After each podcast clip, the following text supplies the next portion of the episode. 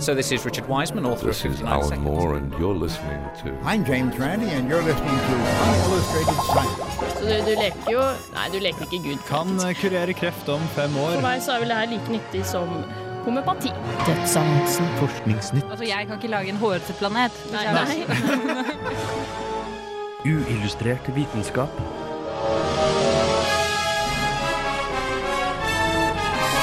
Science, works. I ukas Uillustrert vitenskap er det kjemi som er temaet. Og du vil bl.a. finne ut hva supertunge grunnstoffer er, og hva som er inni sjampoen din.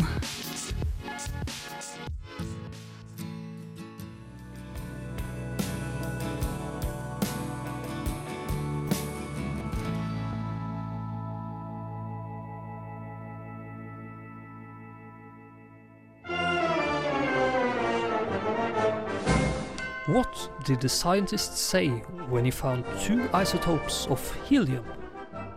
Hehe. Nei, dere, vi kan ikke begynne sendinga med å le av en sånn vits. Seriøst. Nei. Um, hei og velkommen til uh, Uillustrert uh, vitenskap. Uh, som du kanskje har skjønt, så skal dagens sending handle om uh, kjemi.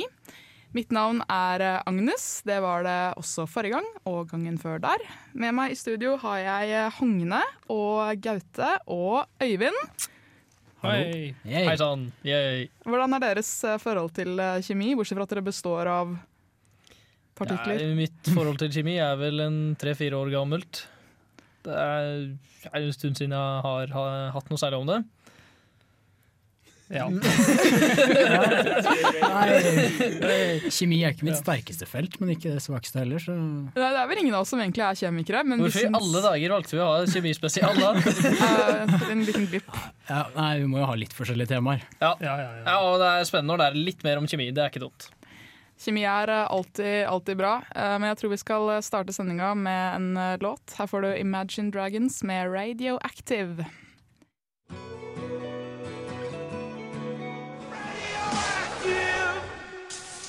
For mange så starter dagen i dusjen. Vi smører oss inn og føler oss freshe. Men har du noen gang sett på baksiden av sjampoen din og sett hva den inneholder?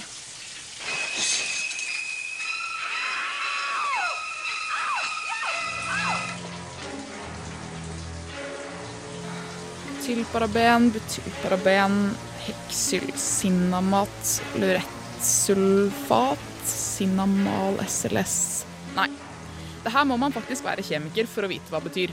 Så vi oppsøkte en kjemiker for å finne ut hva disse mystiske ingrediensene er. Eh, Vi står her på Kjemisk eh, institutt på NTNU Gløshaugen og skal intervjue førsteamanuensis i organisk kjemi, Elisabeth eh, Jacobsen. Vi smører oss inn med tykke lag med hudkrem og sjampoer. Hva skjer når det trekker inn i huden og inn i blodet? Du vet at Først så er det et hudlag som er av ganske sånn sterke celler som ikke, ikke lar så mye komme inn. Så store molekyler i en krem vil ikke komme så langt inn som til selve våre celler. De, de vil gå imellom hudcellene, hudlaget.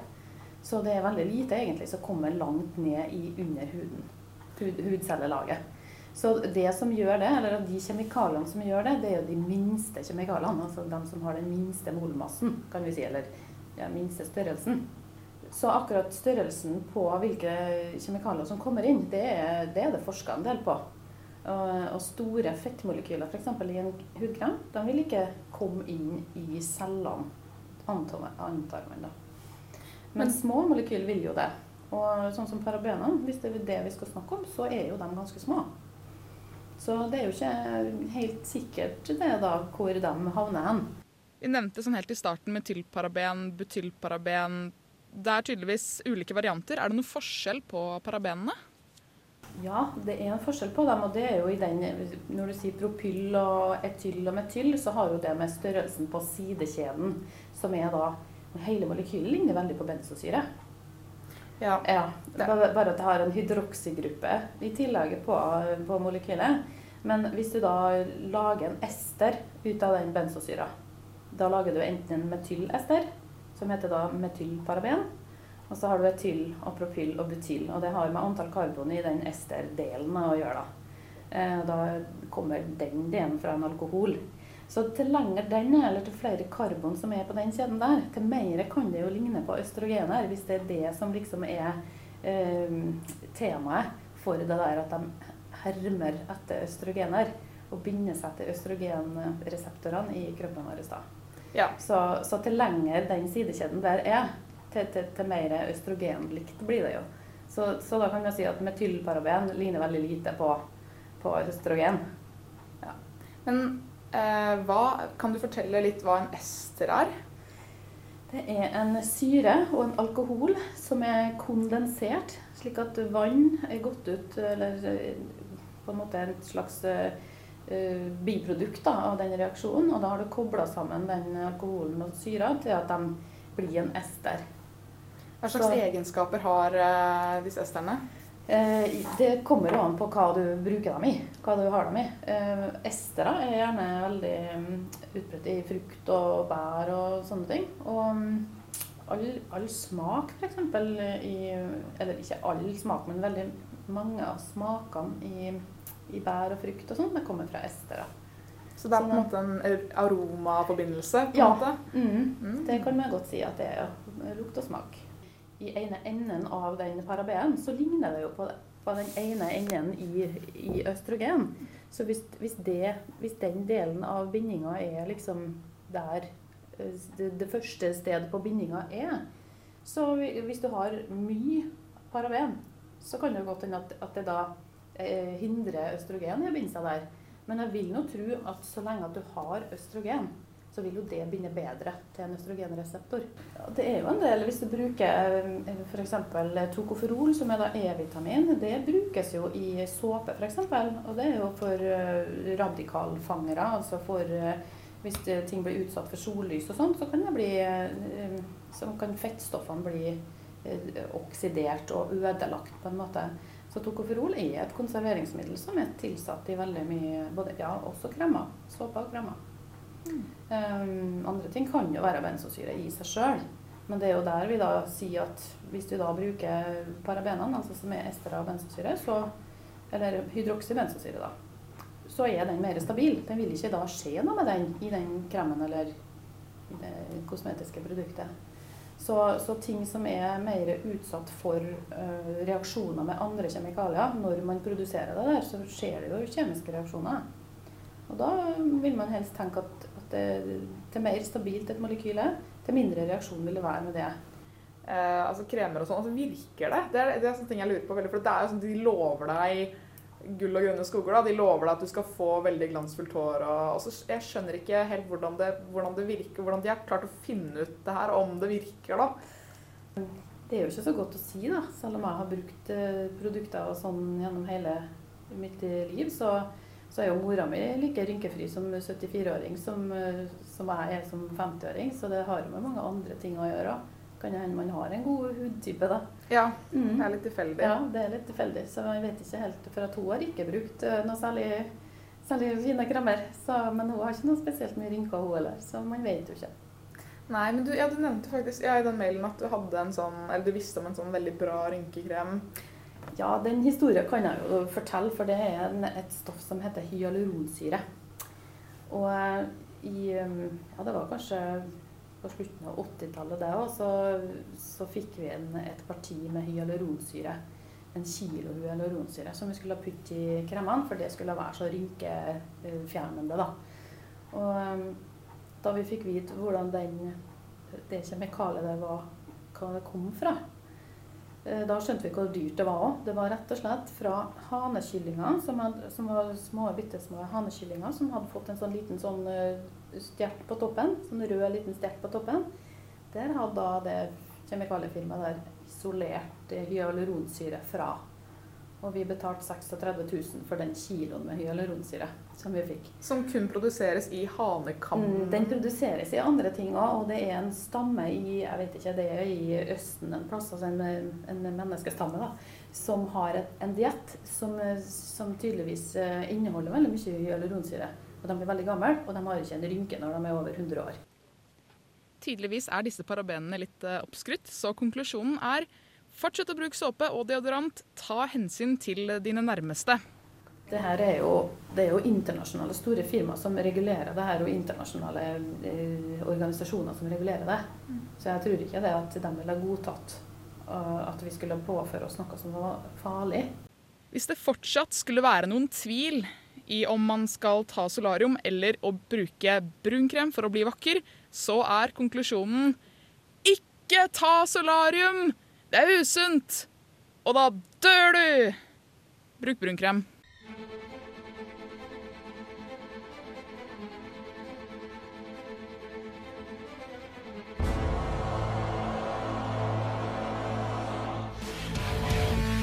Ja, der eh, fikk du eh, Muse med 'Unsustainable'. Eh, før det så fikk du et lite intervju med Elisabeth Jacobsen om, om parabener. Eh, og for de som var litt usikre på hva parabener eh, er, så er det da et konserveringsmiddel som man tilsetter i eh, kosmetikk da, for at ikke den skal bli spist opp av bakterier. Og parabener har vært veldig mye omdiskutert i media fordi man frykter at de kan være litt hormonhermende, fordi de ligner veldig mye på østrogen og kan da eh, komme inn i blodet og tulle litt med, med hormonsystemet vårt. da. Så hvis dere ikke var klar over det, så vet dere det nå. Jeg bruker ikke så mye hudprodukter uansett. Eller. Jeg bruker vel egentlig ingen. Men det, hvis dere dusjer, så bruker dere vel sjampo og body lotion Nei, altså kroppssåpe. Det er veldig aktuelt, da. Så det er, Nei, altså her så vasker vi oss ikke med sånt. Det, det er udiskutabelt. ja, kroppen renser seg selv og sånn. Ja, nei. Men, men jeg har en teori om eh, hudkremer, om sånn fuktighetskremene. Og det er det at eh, hvis du bruker det, så venner kroppen seg til det. Og Ja. derfor blir den mer og mer tørr. Ja, det, altså, jeg er egentlig veldig Egentlig da, så er jeg litt, eh, kanskje litt uenig med konklusjonen eh, til eh, hun intervju, altså Elisabeth, da, som vi intervjua. Fordi hun mente jo at det her var litt var, altså, var helt ufarlig. Men jeg tenker at vi har jo allerede så mye miljøgifter fra før av i oss. Jeg tenker at ja, man kan jo være litt føre var, men for all del, bruk, bruk deodorant og ta hensyn til de som er rundt deg. Ja, så det er en sånn vurdering mellom om du vil få i deg gifter eh, i kroppen, eller å slippe ut gifter, eller luk lukte litt ille. Ja. Lukter litt ille, er også kjent som mannedeodorant. Ja, det er jo, jeg vet ikke om det er noe annet man kan bruke, men eh, jeg kjenner noen som aldri har eh, brukt deodorant. Ja. Ja, ikke se på meg. Nei, nei, og det var helt Det var ikke så Jeg tror vi skal eh, komme oss videre før, før det går litt sånn feil vei her. Her får du eh, Queen med 'Under Pressure'.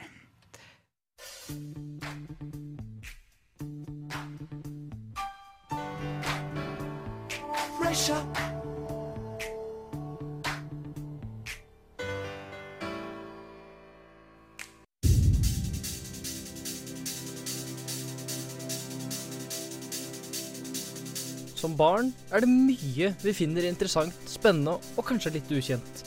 Alt fra brannbiler, heisturer og handlevognturer til trær og smådyr. Men spesielt én ting var kanskje enda litt mer mystisk. Og for så vidt mistenkelig mer spennende enn man skulle tro. Såpebobler. Hva er egentlig en såpeboble? Og hva er det som gjør dem så runde?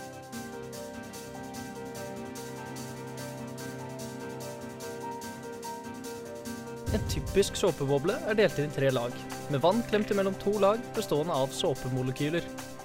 Såpe er et stoff av typen emulgator, som betyr at det både har en vannløselig og en fettløselig del. Eller en hydrofil og hydrofob del, om du vil ta det på vitenskapsk. I såpeboblehinnen er den hydrofile delen av såpemolekylene vendt inn mot vannet i boblehinnen, mens de hydrofobe delene vender ut fra vann. Dermed får vi både en slags indre og en ytre hydrofob hinne.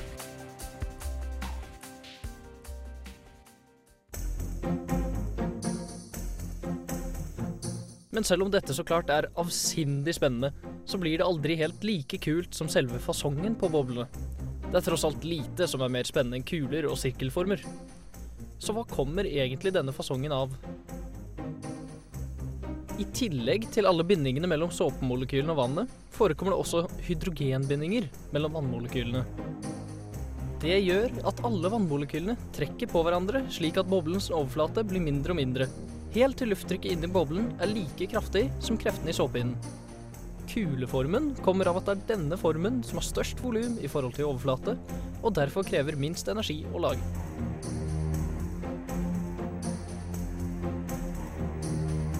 Så slik trær i barndommen var store, mystiske klatrestativer, men nå heller er store fotosyntesedrivende klatrestativer, så har såpebobler, i hvert fall etter de to siste minuttene, gått fra å være noe rundt og uforklarlig til noe rundt og forklarlig.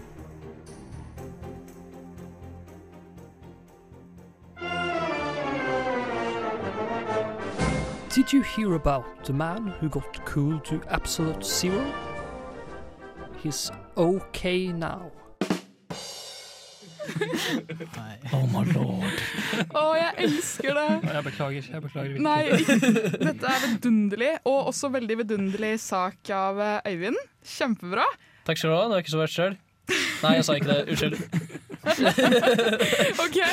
Det var, det var på refleks. uh, jeg har eh, et uh, spørsmål til deg hva angår disse såpeboblene dine. Ja.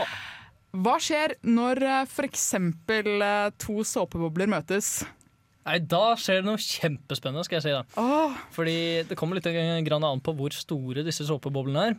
Hvis de er av samme størrelse, så legger de seg helt inntil hverandre, og så skilles de av en sånn helt flat, rett vegg. Dere har kanskje sett det før? Hvis dere tenker godt om. Ja, blåst ja. Ja. Ja, ja. Ja, ja, det er altså to stykker sammen. Da, som, ja. Men hvis den ene er større enn den andre, så tar den største av dem og, og absorberer den minste, liksom. Sånn at den blir til én større. Det vet jeg faktisk. Mm. Det vet vel Nå egentlig vet du i hvert fall. Ja, nå vet jeg det skikkelig. Du fikk det skikkelig bra til og forklarte det kjempebra. Takk, takk, takk. Uh, men jeg har litt ting jeg vil uh, greie ut om sjøl. Er det mer? Det er masse mer, faktisk. Fordi dere tenker kanskje litt uh, Såpebobler er jo alltid runde og fine. Ja. Men uh, finnes det andre former? Er det bare jeg som tenker det? Det hadde vært veldig fint hvis det var noen andre former for såpebobler, for det å bare ha runde bobler er jo litt kjedelig.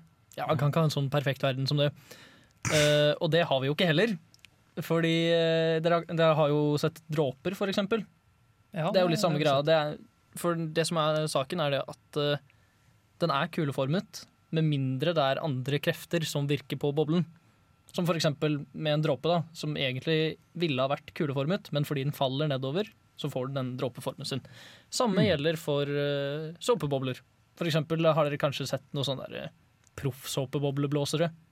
De er sånn kjempestore Jeg har i hvert fall sett veldig Ja, mye på det denne Sånn, uka. sånn, sånn, som, sånn som står på, på gatehjørner og sånt. Ja, og så er det sånn kjempestor tennisracket eller noe sånt. De er jo ikke kuleformede med en gang, de eh, boblene. Gjerne når de liksom trekker den her tennisracketen gjennom lufta, så er den ikke helt kuleformet med en gang. Mm. Det er fordi det er andre krefter som virker på det. Men eh, hva er det egentlig som er inni disse boblene? Vanligvis så er det jo luft. Det er de vanlige såpeboblene vi kjenner. Eh, selv om man eh, faktisk blåser Man blåser jo karbondioksid inn, men Mm. det er luften som dyttes på og liksom settes fast inni boblen. da. Men det kan være alt mulig rart. For eksempel så jeg en fyr som drev og fylte Jeg så på en av de her såpeboblemagikerne igjen. og han fylte Han tok masse såpebobler, og så fylte han sånn annenhver med røyk. Som liksom var inne der. Og da han stakk hull på boblene, så kom det sånn røyk ut. Det var ganske stilig. Men det kan være hva som helst, altså. Ja, hva som helst. Hvis Det kan være gasser som er tyngre enn okay. Luft, eksempel. Så Ja. sånn at de faller nedover. Men også gjenstander eller andre ting enn gass. Funker det òg? Eller vil de bare komme borti kantene til eh, eller På en måte så Ja, altså det vil jo funke hvis det ikke er for tungt. Det er, altså Såpebobler kan jo ikke holde så mye. Men du kan f.eks. få en såpeboble inni en annen såpeboble. Ja, men det, det er fortsatt lettere å ikke Det er jo bare gass, eller ikke bobler, da, men eh, ja. Så lenge de ikke treffer de kantene, og kantene er hard, skarpere enn de andre, så vil kanskje ikke det fungere. Kan du få, Ja, eller spørsmålet er egentlig, kan du få mennesker inni? Det kan vel, hvis du har en helt sabla stor såpeboble, og du dekker deg selv i såpevann, så kan det teoretisk sett klare å gå inn. Mm. Men det er ikke nok til at du begynner å fly rundt inni den boblen. Nei, det er, ikke, det er ikke snakk om nye store kjøretøy her, for å si det sånn. Nei. men, men teoretisk sett så kan det være mulig. I, ikke nødvendigvis å bli løftet opp av den, men å ha den rundt deg da, og gå inn i den. Mm. det er jo kult nok i grunnen, spør du meg. Ja. Men eh, hva er egentlig den ultimate oppskrift på såpebobler? Um, jeg vet jo ikke helt den ultimate oppskriften, men jeg kom over en ganske rar oppskrift. Uh, halvrar, i hvert fall. Fordi den sier at du skal ha tolv deler vann, det er jo å regne med, og en del grønnsåpe, som også er å regne med. Men så kommer det litt rare her, og det er det at uh, man skal ha i en halv del kirurgisk smøremiddel. okay, ja. Er det det som finnes i de der såpeboksene du kjøper? Du kjøper sånne bobleblåsebokser, og jeg regner med ikke det bare er vann og Det, det pleier å være, det pleier å Såpe, vann ja. og såpe, men i, til, i tillegg litt grann eh, glyserin. Okay, Fordi ja. det gjør at boblene eh, tåler mer. Og at det tar lengre tid før de blir ødelagt. da. Ja, apropos tåle mer. Eh, hvis man tar øl oppi den eh, blandingen, så blir jo de boblene veldig superbra, da. Eller da blir de Det blir det veldig faktisk. Eh, Det er en artig historie der, fordi Nei, nå skal jeg ikke lange så mye ut om det, men jeg har faktisk Jeg var på fest for eh, noen uker siden, og da, siden da har jeg hatt såpebobler med øl i, i Ja, lomma. Jeg husker det. Jeg husker vi møttes og du blåste de, og de var skikkelig, skikkelig bra, de soppeboblene. Å ja, det er det alle sier til meg. Men nå tror jeg vi bare skal eh, komme oss eh, videre. Eh, her får du Erik Idel med 'Galaxy Song'. Just remember that you're standing on a planet that's evolving. Cause there's bugger all down here on Earth. Kjernefysikere har de siste årene klart å påvise eksistensen av mange nye supertunge grunnstoffer. Det foreløpig tyngste grunnstoffet som er påvist, er ununoctium, grunnstoff nummer 118. Men det er et stort problem med supertunge atomer. De blir nemlig mer og mer ustabile jo større de blir. Grunnstoff 94, plutonium, har f.eks. en halveringstid opptil 80 millioner år, mens den mest stabile isotopen av grunnstoff 118, som til nå er oppdaget, har bare en halveringstid på 0,89 millisekunder. Grunnen til at de tyngre atomer blir ustabile, er fordi at antall protoner i kjernen øker. Disse protonene har alle positiv ladning, og dermed frastøter de hverandre. Når til slutt denne frastøtende kraften blir for stor, rives atomet i stykker og spaltes til lettere atomer. Av dette har kjernefysikerne møtt det de kaller en sjø av ustabilitet, når de ser på grunnstoffer med mer enn ca. 100 protoner i kjernen.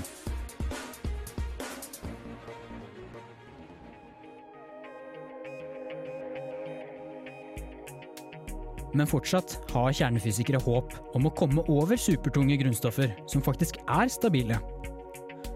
Modellene deres viser nemlig at det kan finnes øyer med stabile isotoper. Dette er isotoper med et perfekt antall protoner og nøytroner. Nøytronene kan nemlig gjøre atomkjernen mer stabil, men bare opp til et visst punkt. Etter at dette punktet er nådd, vil flere nøytroner bare gjøre atomet mer ustabilt igjen. Det er heller ingen som vet hvor stabile disse isotopene vil være. Estimater har vist at halveringstiden kan være alt fra minutter til millioner av år. Det er også noe usikkert hvor denne øya faktisk befinner seg, og om det finnes flere av dem. Det eneste som kan sies å være sikkert, det er at kjernefysikere har mye spennende å jobbe med for tiden.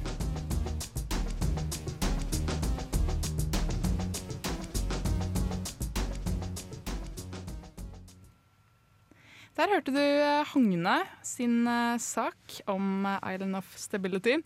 Så vil jeg bare begynne med å si unnskyld for at mine kunnskaper om Monty Python er svært mangelfulle. Fikk litt kjeft eh, etter eh, ja, forrige uh, OK. Hogne, kan ikke du fortelle litt om uh, hva en isotop er? For det er sikkert mange som lurer på det nå.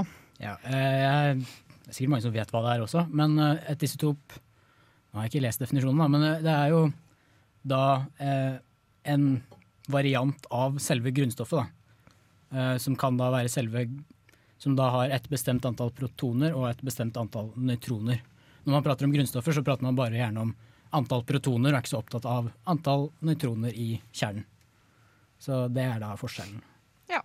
Så det finnes veldig mange isotoper vi ikke har oppdaget, mens eh, de har egentlig klart å påvise alle de 118 første grunnstoffene har de klart å produsere. Men de har ikke klart å finne alle isotopene av disse grunnstoffene. Så ja, det er forskjellen.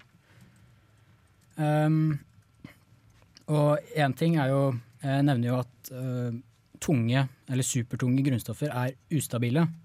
Og dette vil gjelde da helt ned fra bly, som er da det mest stabile stoffet, det er nummer 82. Og etter det så vil alle stoffene etter det bli mer og mer ustabile. Eh, Og det er dette her da som når det kommer litt høyt, så blir det da en sjø av ustabilitet. Og det vi leter etter er jo da denne øya av stabilitet. Hvor tror man at denne, denne øya av stabilitet befinner seg? Sånn, har man noe klart eh, akkurat der er den, eller er det mer Eh, sånn Ja, de er ikke helt sikre. Um, det de tror mest sannsynlig er eh, denne øya av stabilitet, de, de tror jo til og med at det kan være flere av de. Men det, det de tror eh, den kan ligge, er i grunnstoff 114, flerovium, og da med eh, sånt antall nøytroner og protoner, slik at det er 298 eh, nukleoner i kjernen. Så det er flerobium 298 de tror er da denne toppen av eh, denne Island of Stability. Men de er ikke sikre. Det er noen som tror at den ligger på 120, og andre som tror at den ligger på 122 og 126 og helt opp i 164. Så de er ikke helt sikre her, da. Så den kan finne, plutselig ligge over de vi allerede har oppdaget, og som kan kanskje vise at vi plutselig klarer å danne et element 120 eller noe sånt, som ser ganske vanskelig ut for tiden. Fordi de faller jo fra, eh, fra hverandre når de er ustabile. Så jeg leste jo om eh, det element 112, kopernisium, som eh, jeg tror det var noe sånt at det klarer å holde seg oppe i fire millisekunder eller noe sånt. Mm. Ja, det er, ja, det er veldig sånn Når du kommer opp i så høye eh, protontall, så blir den der eh, halveringstida veldig, veldig kort. Så 118 hadde jo 0,89 millisekunder. Men det er jo der de håper at denne her Island of Stability plutselig selv om, skal, selv om hvis man går oppover, så vil jo disse halveringstidene minke veldig fort. Så tror man at det plutselig vil bare gjøre et hopp, og så vil man plutselig få et, eh, et stoff som plutselig har høy stabilitet, selv om det er veldig, veldig mange protoner i kjernen. Og det er da dette de tror er flerovium 298. Og Mm. hvor lang tid den vil klare å holde seg, det varierer litt fra minutter til eh, millioner av år. Og om det er millioner av år, det er ganske lite sannsynlig. Det er ikke så mange forskere som tror det er så langt. Men hvis det er millioner av år, så kan jo dette plutselig være et stoff som vi kan bruke til ting. Og da kan det plutselig være nyttig også. Eller så er det ikke veldig nyttig hvis vi bare har noen få minutter, og så forsvinner det igjen. Nei, det er, det er jo mange av de stoffene som er så godt som ubrukelige, fordi de forsvinner omtrent så fort du, du får tak i dem. Ja. Eh, Men denne øya stabilitet, eh, hvorfor klarer man ikke å, å, å danne den? Er det, er det fordi man ikke vet akkurat hvor den er? Eller? Eh, jo, de, de, de har jo estimert De vet jo ikke helt hvor den er, for de har ikke klart å lage den, men de tror den er på den grunnstoff 114. Mm. Men det som er problemet da, er at de trenger eh, bestemte stoffer som, til å smelle sammen for å danne flerovium 298. Ja. Hvis du skal få flerovium 298, så må du ta to stoffer som til sammen har et protontall på 114, og som da til sammen har et eh, nukleontall på 298. Og det kan f.eks. være plutonium eh, 248 og kalsium 50. Og disse stoffene er ikke så lett å få tak i, for disse her er også ustabile eh, isotoper. Eh, og der, da bygger problemet seg nedover, da, fordi at de klarer ikke å finne stabile isotoper til å danne eh, disse ustabile, eller dette som kanskje kan være et stabilt isotop igjen. da. Eh, Men det skjedde noe ganske spennende nå i august 2013. Og for da ble det publisert også en, eh, sånn, en forskningsartikkel av noen svensker som hadde funnet et stoff som er ganske nærme denne her øya stabilitet. Det var da element nummer 115, altså ikke 114. Men isotoptallet gjorde at det lå ganske nærme, og det viste seg at den hadde en litt lang halveringstid, men ikke veldig lenge. Så det er nok sannsynlig at den eh, Island of Stability kanskje ikke har mer enn maks ti minutter. da. Og det er litt synd, så vi får kanskje ikke brukt den til så mye nyttig. Men det er fortsatt uh, veldig spennende. Ja. Her skal vi få nok en uh, kjemivits. The and marvel of hydrogen bonding.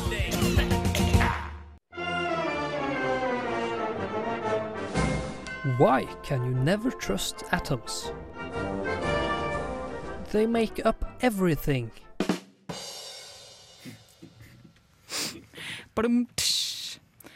Eh, der fikk du også hydrogen, Bonds av en eh, ukjent dude på YouTube. En innmari bra låt. Ja, det er helt fantastisk. Ja, Det kan vel diskuteres, Jeg kanskje. vil, jeg vil bare fastslå at det er vel uh, musikkvideo nummer 17 av 30. Mm. Den uh, første heter Scientific Method. Gleder meg til å sjekke det ut. ildsjel der, altså. Oi. ja. Gaute, uh, jeg ser at du har noe på hjertet. Ja, jeg har noe på hjertet. Uh, Eller hvis jeg, jeg håper virkelig ikke jeg har det på hjertet. Uh, For jeg, jeg hadde nemlig tenkt å snakke om kvikksølv, og det vil jeg helst ikke ha på hjertet. Eh, Da er det kanskje på tide å få det ut. Mest fordi at jeg syns kvikksølv er et ganske morsomt grunnstoff. Det har da en symbol HG og atom nummer 80, for de som lurte på det. Mm.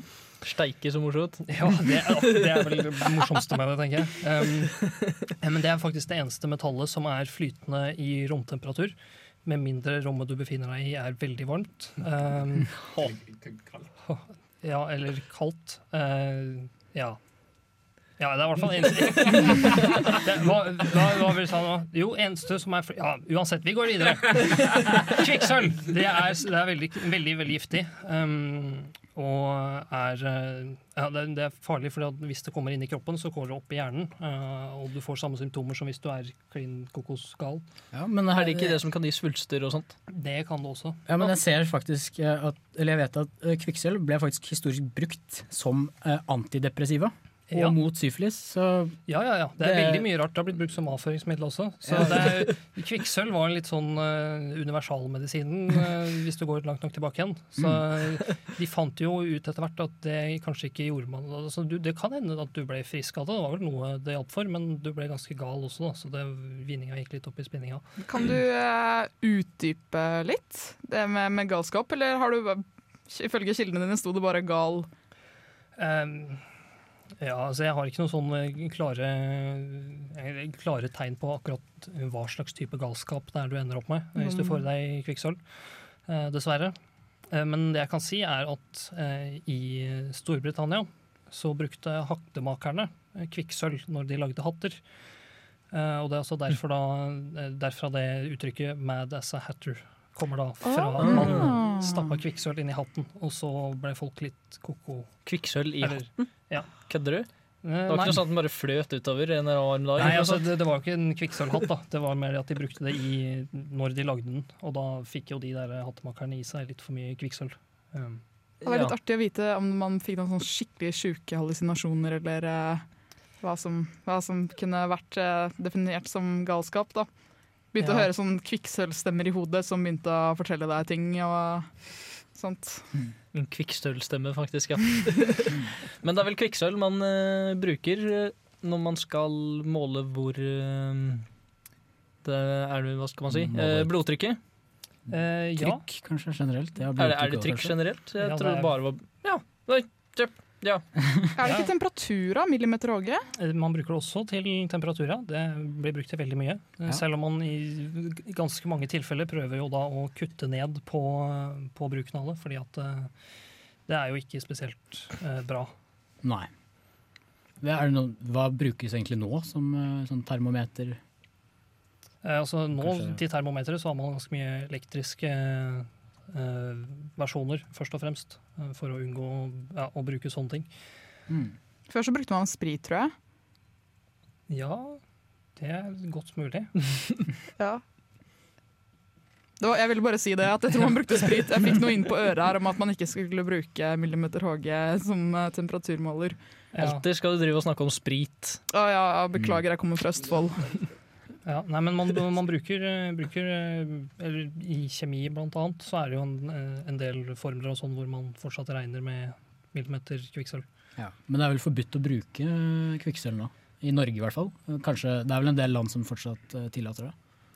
Ja, jeg er ikke, jeg er ikke 100 sikker på hvor det er. Nei, det er, det er forbudt i Norge i hvert fall. Ja, ja nei, det, det vil jo i hvert fall ikke forundre meg om man går inn for å stoppe bruken av det. Nei. Jeg får uh... Så vil, vi, vil dere ha noe mer fun facts om, uh, om hvor det blir brukt? Eller er vi, går vi mot slutten av programmet? Nei, vi går til en uh, veldig festlig sang. eh, 'Periodic Table' av Tom Lehrer. Og den tror jeg faktisk dere får høre nå, selv om dere hører på podkast. Ja, dere gjør det. Sett den på.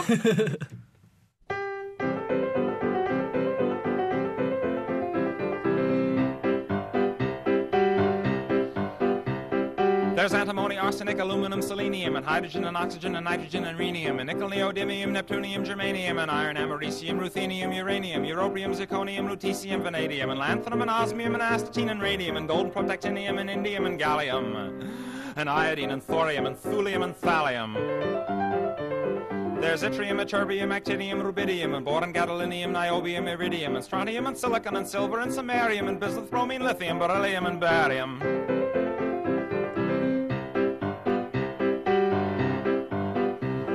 There's holmium and helium and hafnium and erbium and phosphorus and francium and fluorine and terbium and manganese and mercurium, molybdenum, magnesium, dysprosium and scandium and cerium and cesium and lead, praseodymium and platinum, plutonium, palladium, promethium, potassium, polonium and tantalum, technetium, titanium, tellurium and cadmium and calcium and chromium and curium. There's sulfur, californium, and fermium, berkelium, and also mendelevium, einsteinium, nobelium, and argon, krypton, neon, radon, xenon, zinc, and rhodium, and chlorine, carbon, cobalt, copper, tungsten, tin, and sodium.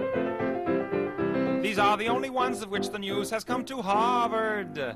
And there may be many others, but they haven't been discovered.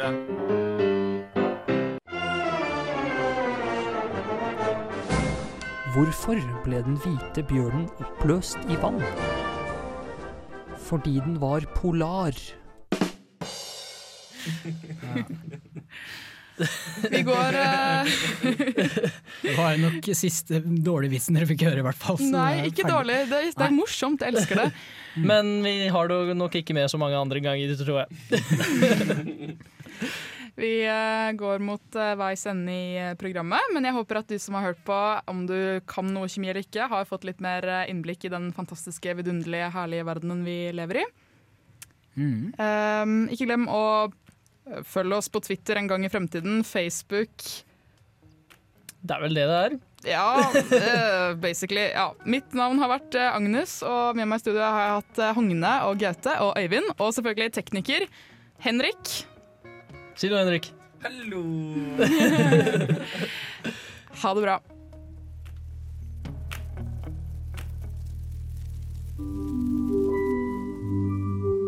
Uillustrert vitenskap er Midt-Norges eneste teknologimagasin på lokalradio. Og vi snakker om alt fra populærvitenskap til sære forskningsprosjekt ved NTNU. Radio Revolt, studentradioen i Trondheim, er stolt av å kunne presentere podkaster fra de aller mest populære programmene våre. Hvis du har lyst til å høre mer fra Radio Revolt, hvem vi er og hva slags musikk vi spiller, så kan du høre oss på FM-båndet i Trondheimsregionen, eller streame sendingene våre live på radiorevolt.no.